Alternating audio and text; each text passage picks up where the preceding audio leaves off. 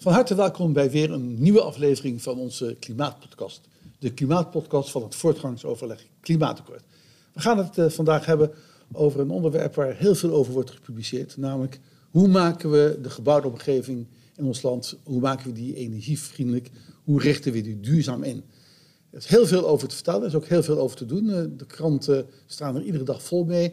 We gaan praten met degene die verantwoordelijk is voor het uitvoeringsoverleg gebouwde omgeving. En dat is uh, Maarten van Poelgeest. Maarten, van harte welkom.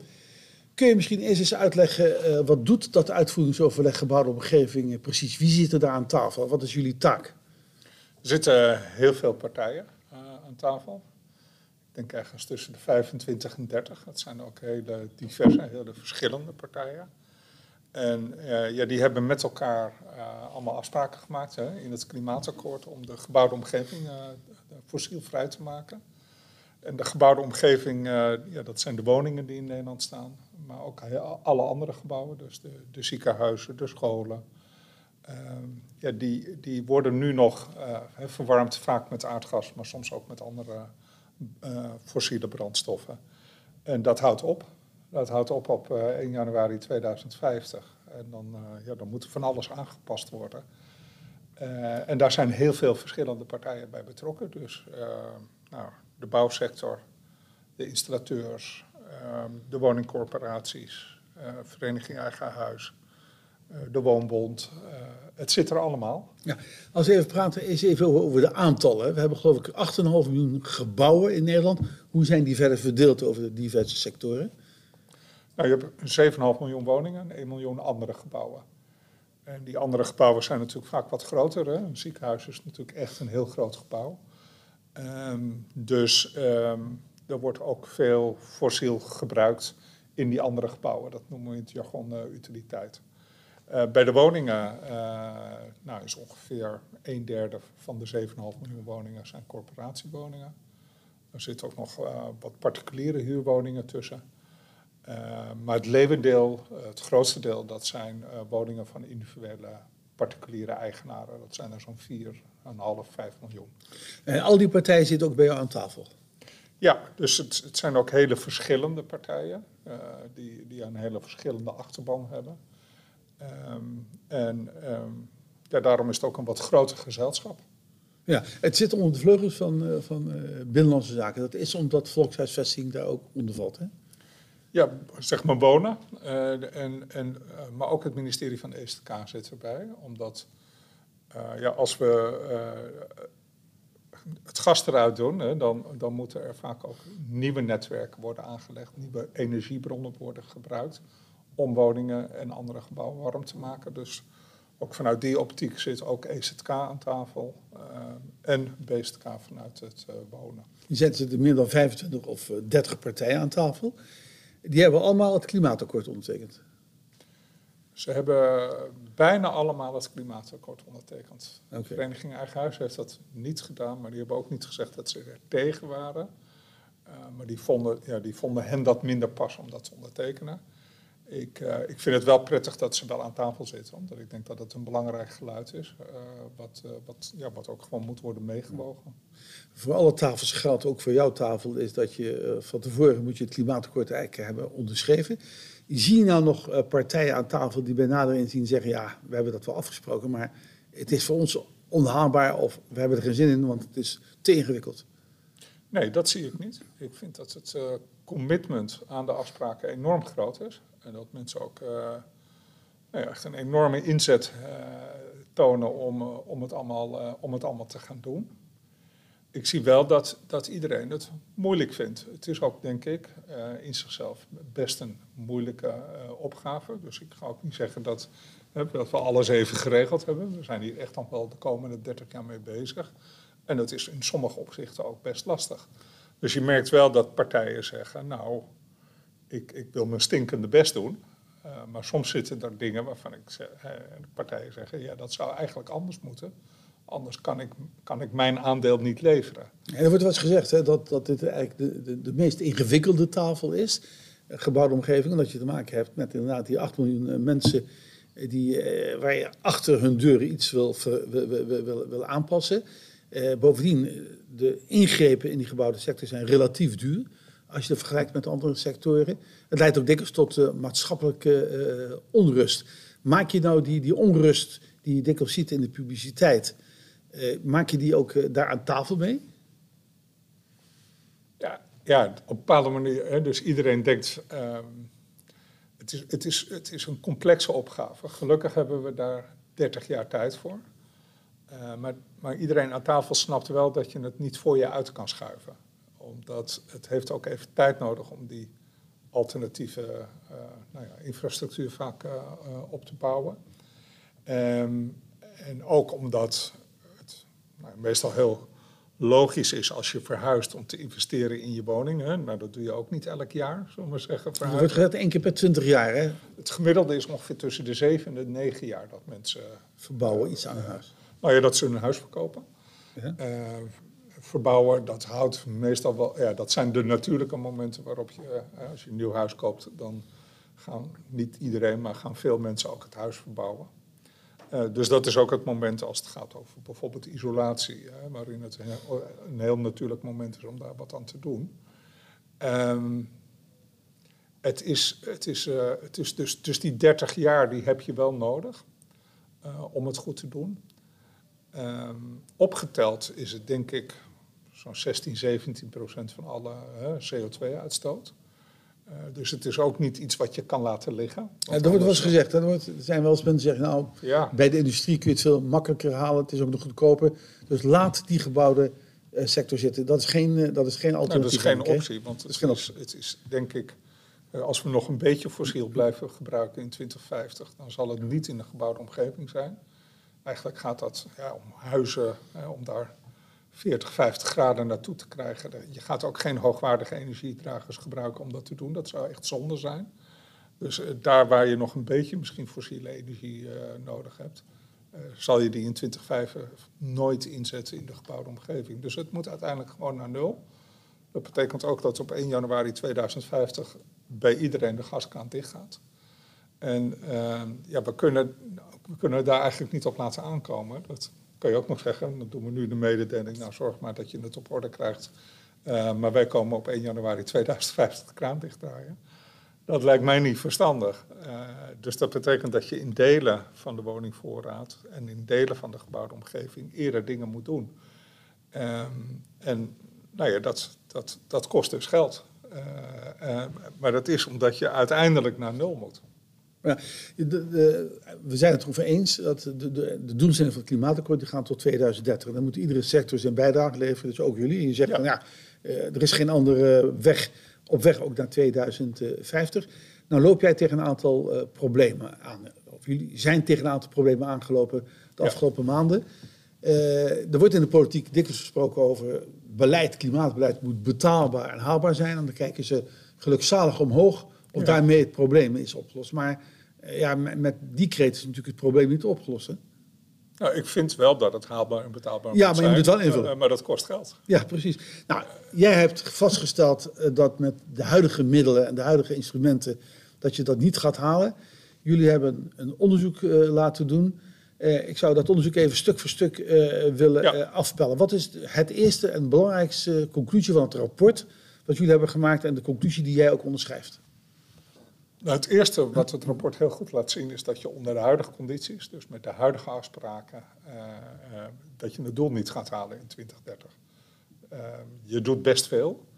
In, opgeteld moet er uiteindelijk zo'n 8, 8,5 megaton tot 2030 in de gebouwde omgeving bespaard Hoeveel procent is dat van, voor de, de kijkers? Is... Het is een derde van, ja. van, wat, van wat we in 19, 2019 gebruikten moet in 2030 uh, moet een derde van die uitstoot weg zijn. Daar komt het uh, doel op neer. Ja, ik onder, onderbreek je nu even, want uh, je zegt dat zouden we moeten doen. maar dat gaan we niet halen met het huidige pakket aan maatregelen. Nee. Wat hebben we dan verkeerd gedaan toen we de gebouwde omgeving paragraaf nou, opstelden in het klimaat? We halen wel een hoop. Hè? We halen ongeveer, want er werd toen een onderscheid gemaakt van er is iets wat in een basispad zit, alsof dat vanzelf komt. En er is iets wat wij extra moeten doen. Nou, dat, dat in dat basispad gebeurt ook niet vanzelf. Dus ik heb dat nu op één hoop gezegd, geveegd en gezegd, nou, dit is wat we tot 2030 moeten doen. Nou, dat is ongeveer 8, 8,5 megaton. Dat is ongeveer een derde van, uh, van wat er uitgestoten wordt in de gebouwde omgeving. Daarvan wordt ongeveer 80% gehaald. Dus, dus de afspraken in die zin uh, helpen wel. Ze doen niet niks, nee. zullen we zeggen. Maar je moet ook nog die laatste 20% halen. Dat is ongeveer nou, 1,7 megaton. Um, en daar, ja, daar moet je iets extra's voor doen. Um, je kan zeggen dat is een tegenvaller ten opzichte van toen we het akkoord sloten. Want toen leek het op papier uh, te kloppen. Uh, maar die rekensom toen is met zogenaamde bandbreedtes gemaakt. Uh, dus toen werd gezegd, nou, aan de onderkant wat het zeker gaat opleveren. En aan de bovenkant hè, wat het maximaal kan opleveren. En als je dan kijkt naar het doel, dan zat het net, net, net onder de bovenkant. Okay. Dat scheelde maar heel weinig. Maar dat betekent dus dat als er maar een klein beetje tegenwind gaat komen, en dat is gebeurd, en dan zit je meteen buiten het doel, dan haal je het doel niet. En die tegenwind ja, die heeft deels te maken dat in de praktijk nou, maatregelen om, om je huis te isoleren of om pompen aan te schaffen of wat dan ook, die zijn iets duurder dan gedacht. Uh, wat ook blijkt is dat het allemaal wat langzamer gaat en er dus minder snel schaal wordt gemaakt, waardoor die maatregelen ook uh, wat duurder zijn dan gedacht.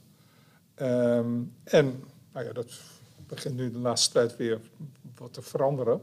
Maar er was ook een tijd lang dat het gas alleen maar goedkoper werd. Dus dan is het ook heel moeilijk om, uh, om het rendabel te kunnen doen. Maar eigenlijk kun je zeggen dat als je 80% van dat doel wel haalt, dat, je eigenlijk, dat, dat, dat is gewoon mooi ja. Uh, wat eigenlijk voor het hele klimaatakkoord geldt, is dat we, we zitten een eind op de goede weg.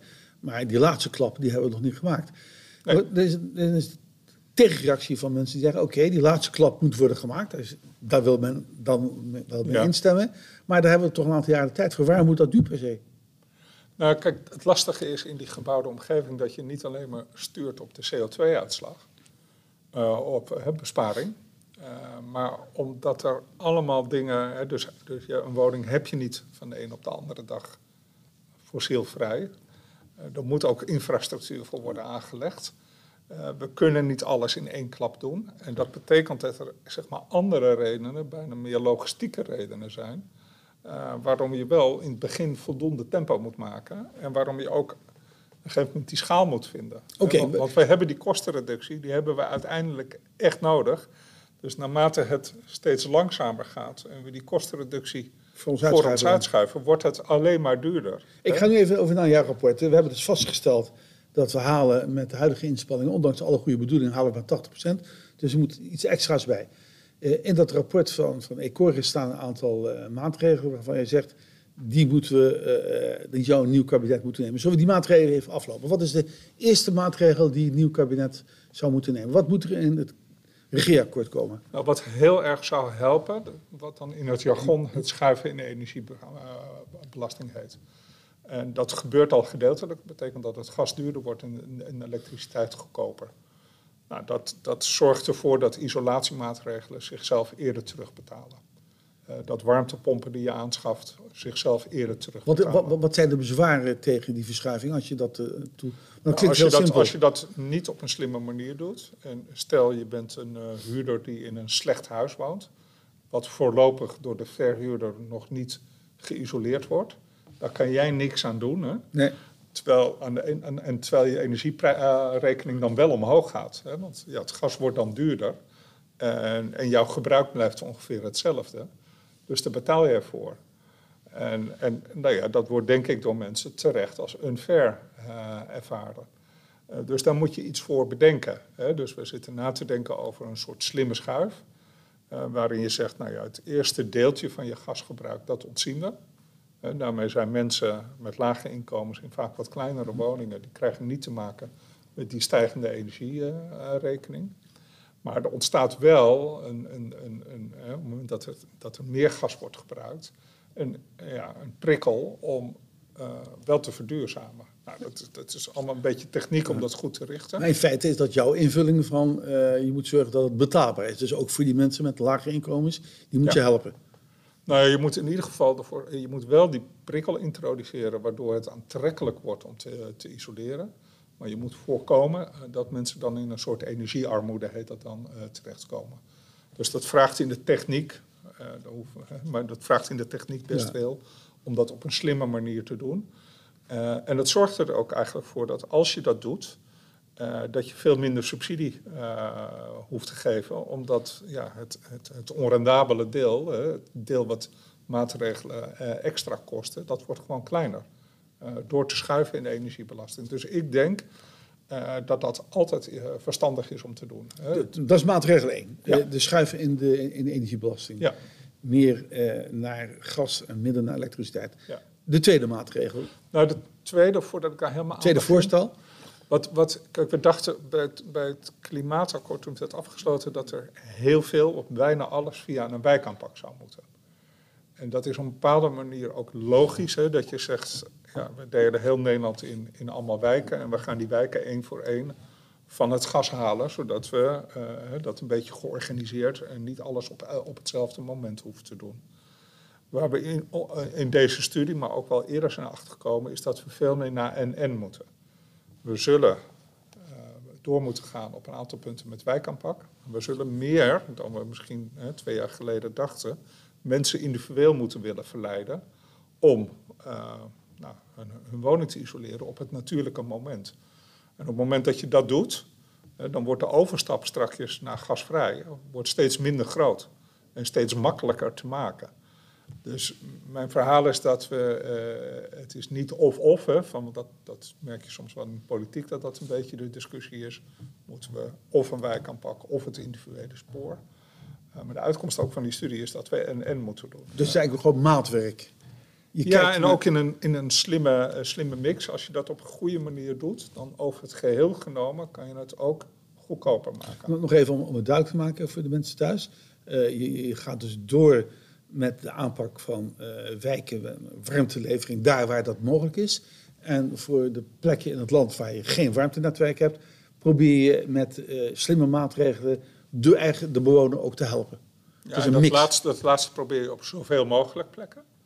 Uh, dat mensen individueel gewoon in beweging komen, omdat je daarmee weet, uh, weet, dat de overstap, de toekomstige overstap, kleiner wordt en makkelijker wordt. Wat is nou de echte trigger voor iemand die een eigen woning heeft hè? Ja. en die niet in aanmerking komt voor dat ruimtenet? Wat is nou voor hem uh, aantrekkelijk? Weet jullie ook wanneer hij of zij wel in beweging gaat komen? Wat... Dat weten we niet precies. Mensen zijn daar heel verschillend in. Er zijn mensen die, uh, die zeggen, nee, ik, ja, ik, wil, ik wil het klimaat redden, ik neem al die extra kosten voor eigen rekening. Maar er zijn ook andere mensen die, uh, die zeggen, nou, ik wil best iets veranderen in mijn woning, maar ik wil wel volledig gecompenseerd worden. En daar zitten heel veel mensen nog tussenin. En ja, die veranderingen, dat is, je hoeft het niet alleen voor het klimaat te doen. Sommige dingen zijn ook gewoon prettig voor het comfort. dus vloerverwarming is energetisch heel verstandig om te doen. Maar het is ook prettig om te hebben. Ja. Uh, dus dus ja, een heleboel mensen maken daar een eigen en verschillende afweging, uh, zeg maar. En daarvoor gaat ook weer het moment dat men een woning verkoopt. Dat is ook het natuurlijke moment waarop je dan gaat investeren. Ja. En de ene zal iets meer doen dan de ander. Hè, dus mensen zullen daarin altijd blijven uh, verschillen. Dat is de tweede maatregel die je voorstelt? Nee, de tweede maatregel die, die uit die studie heel hard komt... is dat in stedelijke gebieden met hoge dichtheid... dat je daar moet inzetten op warmtenetten. Uh, omdat dat eigenlijk maatschappelijk het meest kosteffectief is. Dus het minst duur. Uh, alleen om een warmtenet in de lucht te krijgen heb je wel voldoende mensen nodig die in één keer uh, die overstap maken. Dus als je daarvoor kiest, en dat is in die stedelijke gebieden echt heel verstandig om te doen, dan heb je daar een wijkaanpak voor nodig. dan moet je ook op een gegeven moment zeggen, nou over tien jaar, dus niet morgen, maar over tien jaar gaat hier de kraan dicht. Dan hebben we een alternatief voor u, namelijk in de vorm van een warmtenet bent overigens niet verplicht om dat te nemen. U kunt ook gewoon nog zelf een warmtepomp aanschaffen. Dat is dan waarschijnlijk wel duurder. Maar als u het niet prettig vindt om op een warmtenet te zitten, nou, dan moet u het niet doen. Hè? Nou, ik denk dat de meeste mensen dan voor een warmtenet zullen kiezen. Maar dat is wel de manier om in die stedelijke gebieden met hoge dichtheid uh, eigenlijk die, die nieuwe infrastructuur, en dat is gewoon een warmtenet, om die mogelijk te maken. Dus dat zou heel verstandig zijn om daar de komende jaren echt op in te zetten. En het aardige is ook nog dat je het in eerste instantie zo kan doen. Dat is ook een beetje jargon, maar dan heeft het water uh, middentemperatuur, dat is nou, 60, 70 graden. Dan hoef je op dat moment nog wat minder te isoleren in je huis, hè, want dan krijg je behoorlijk warm water binnen. Maar Maar misschien dat dat over 15 of 20 jaar dat die temperatuur naar beneden gaat, want ook warmte is schaars. Nou, dan heb je dus ook nog 15, 20 jaar om je huis beter te isoleren. Zodat je op termijn ook met water van 50 graden je huis Maar, dat is belangrijk wat je zegt, hè, als je dat eh, zeg maar in, die, in, in, in de steden eh, wel gaat aanpakken, dan, dan geven de mensen ook de tijd om te wennen aan dat nieuwe systeem, aan, aan Ja. dat warmtenetwerk. Ja. Eigenlijk wat je doet is, maak in ieder geval de overstap naar die nieuwe infrastructuur. En daarna heb je ook weer nog even tijd hè, om je huis te, te isoleren op de natuurlijke momenten. Wat gebeurt er nu, even, die vragen krijgen we ook, wat gebeurt er nu als je besluit een warmtenetwerk aan te leggen? De straten gaan weer open en je krijgt per huis krijg je een aansluiting om een warmtenetwerk. Zo simpel is het al, hè? Ja, je krijgt gewoon een nieuw, een nieuw buisje eh, je, Erbij. je woning in. Ja. En, eh, en, en je krijgt maandelijks een, eh, een rekening, eh zullen we zeggen. Nog even een zijstapje eh, over die warmtenetwerken. Er is een, ook een heel debat over wie gaat de regie voeren. Bij Ja. die warmtebedrijven zijn dat de gemeente, Ja. de provincie of is dat het Rijk? Eh, krijgt het bedrijfsleven ruimte genoeg? Hoe zit dat precies? Nou, dat moet geregeld worden in de nieuwe warmtewet.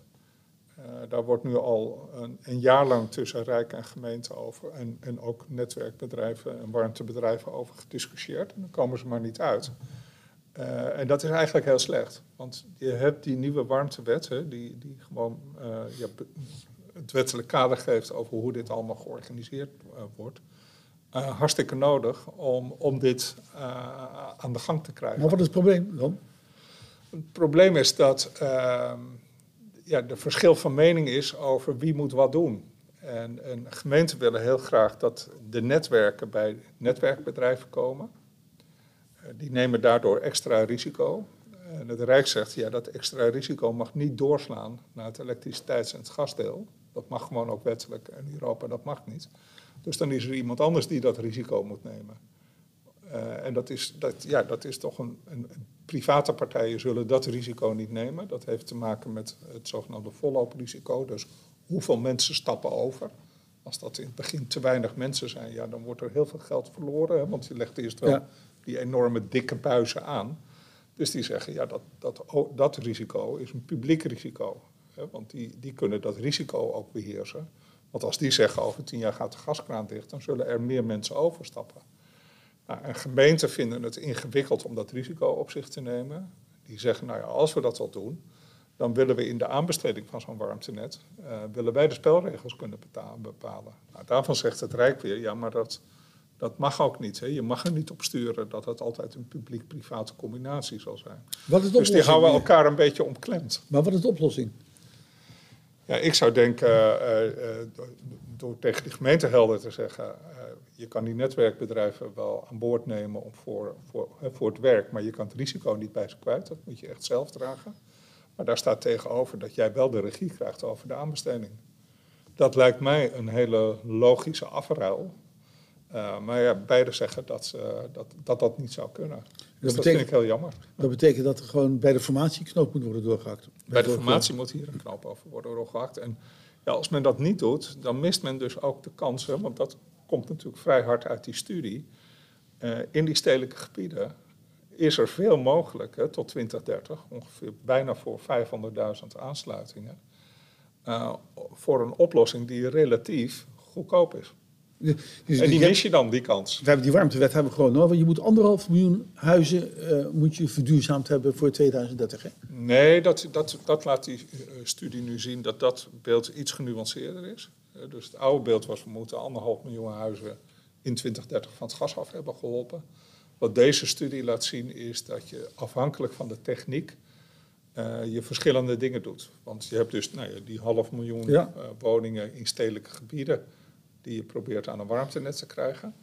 Daarnaast laat die studie ook zien dat langs die individuele route, dus op de natuurlijke momenten, eh, het heel mooi zou zijn als je zo'n anderhalf miljoen hybride warmtepompen, dus die gebruiken nog steeds een beetje gas, maar heel veel minder, in combinatie met isolatie, eh, in anderhalf miljoen woningen kwijt zou kunnen.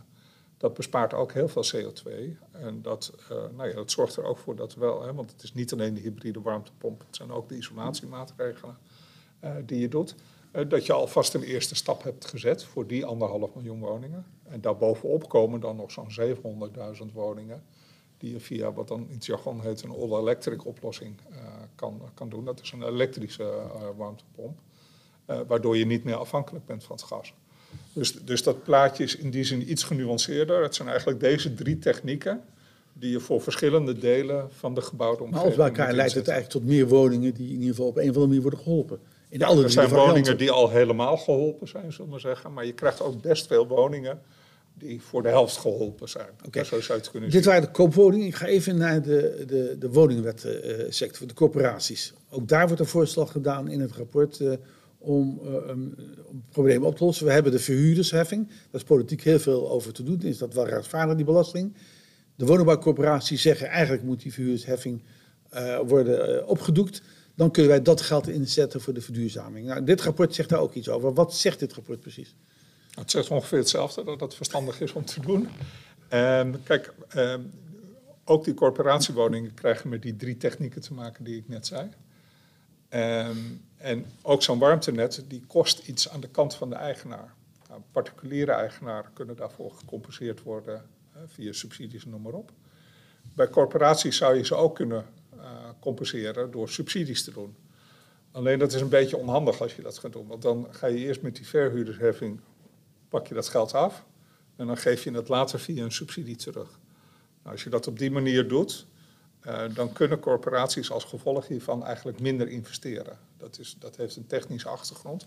Maar als je nou zegt, nou ik ga het niet afpakken, ik laat het gewoon bij jou zitten, maar jij gaat dat wel doen, dus daar moet je dan wel afspraken over maken dat het geld ja. wat je laat zitten, dat dat goed geïnvesteerd wordt.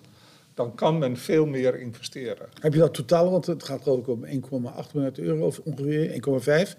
Uh, die, uh, die nou, het gaat niet, voor deze doel, doelstelling is niet die hele verhuurdersheffing nodig. Nou moeten corporaties natuurlijk veel meer doen. Ze moeten ook veel meer nieuwe woningen bouwen. Uh, dus het is, het is niet alleen maar het opknappen van hun bestaande bezit. Ze hebben ook nog andere maatschappelijke taken. Nou, daar is een heel rapport over geschreven, opgavemiddelen. En wat daar eigenlijk uitkomt, is dat een groot deel van die verhuursheffing zou je eigenlijk moeten schrappen. En dan zouden corporaties een paar verschillende maatschappelijke opgaven kunnen doen, waarvan dit er eentje is. Een vrij belangrijke, maar ze hebben natuurlijk ook nog een paar andere taken. Ik kom even tot de totale kosten van deze operatie. Er wordt een rapport, er worden ook een paar cijfers over gegeven. Wat kost het een nieuw kabinet om dit plan even, uh, met die andere maatregelen die je noemde, om dit plan uh, gerealiseerd te krijgen? Nou, um, als men wil schuiven in de energiebelasting, want dat scheelt behoorlijk. Als men dat niet wil doen, dan wordt de rekening gewoon hoger. Uh, maar dan laat het rapport zien dat je ergens tussen de 270 en 350 miljoen per jaar nodig zou hebben, extra, bovenop het geld wat er al is. Uh, om ervoor te zorgen dat je in 2030 de doelstelling van het klimaatakkoord wel haalt. Als je nou nog extra wil, hè, want die, discussie wordt ook gevoerd, dan moet je er nog meer geld bij leggen. Ja, maar, maar eigenlijk, je zegt dus, uh, wat op dit moment wordt zo'n 300 miljoen geloof ik uitgegeven, dus je zegt een verdubbeling van dat bedrag. En daarmee halen we de doelstelling in een heel belangrijke sector, uh, halen we... ja, we denken van wel, het zijn jaarlijkse bedragen. Dus elk jaar, het is elk jaar hè, dat bedrag tussen de 270 en 350 miljoen. En kijk, het is natuurlijk wel zo dat in dat rapport worden er op een paar punten echt aannames gedaan. En daarbij zijn we overigens wel de hele tijd heel voorzichtig geweest. Dus we hebben ons echt niet in het rapport rijk zitten rekenen. Maar het blijft natuurlijk wel een modelstudie. Ja. Dus ik ga me niet helemaal aan het precieze nee, concrete getal ophangen. Maar je hebt een politieke achtergrond. Uh, wat zou de politiek nou tegen kunnen hebben op deze oplossing? Nou het enige wat ze denk ik erop tegen kunnen hebben is als ze het geld niet voor over hebben, omdat ze andere dingen belangrijker vinden. Hè? Dus dit, dat is ook verder een afweging waar ik niet in wil treden. Nee. Dat is iets wat ze aan die formatietafel zullen moeten beslissen. Maar ze moeten zich wel realiseren dat als men dat geld niet uittrekt, dat die doelstelling niet gehaald wordt. En we kunnen ook vaststellen, in het geheel van de energietransitie, maar ook in het geheel van de begroting, 350 miljoen, eigenlijk toch een, een, relatief klein bedrag. Het is veel geld. Ja, ik, vind het, ik vind het zelf te overzien. Maar goed, ik weet ook niet wat er aan claims uh, voor, nee. voor, voor, andere thema's nou, we zien er iedere dag uh, rollen de claims uh, voorbij. Nou ja, goed, maar dat is, dat is aan, aan okay. partijen hè, om dat dan zelf af te wegen. Ik vind dit, eerlijk gezegd, gezien de complexiteit ook van de opgave, te overzien. Ben je optimistisch? Ik ben optimistisch. dat ben ik altijd. Dat ben ik van ook over de afloop. ook over de afloop.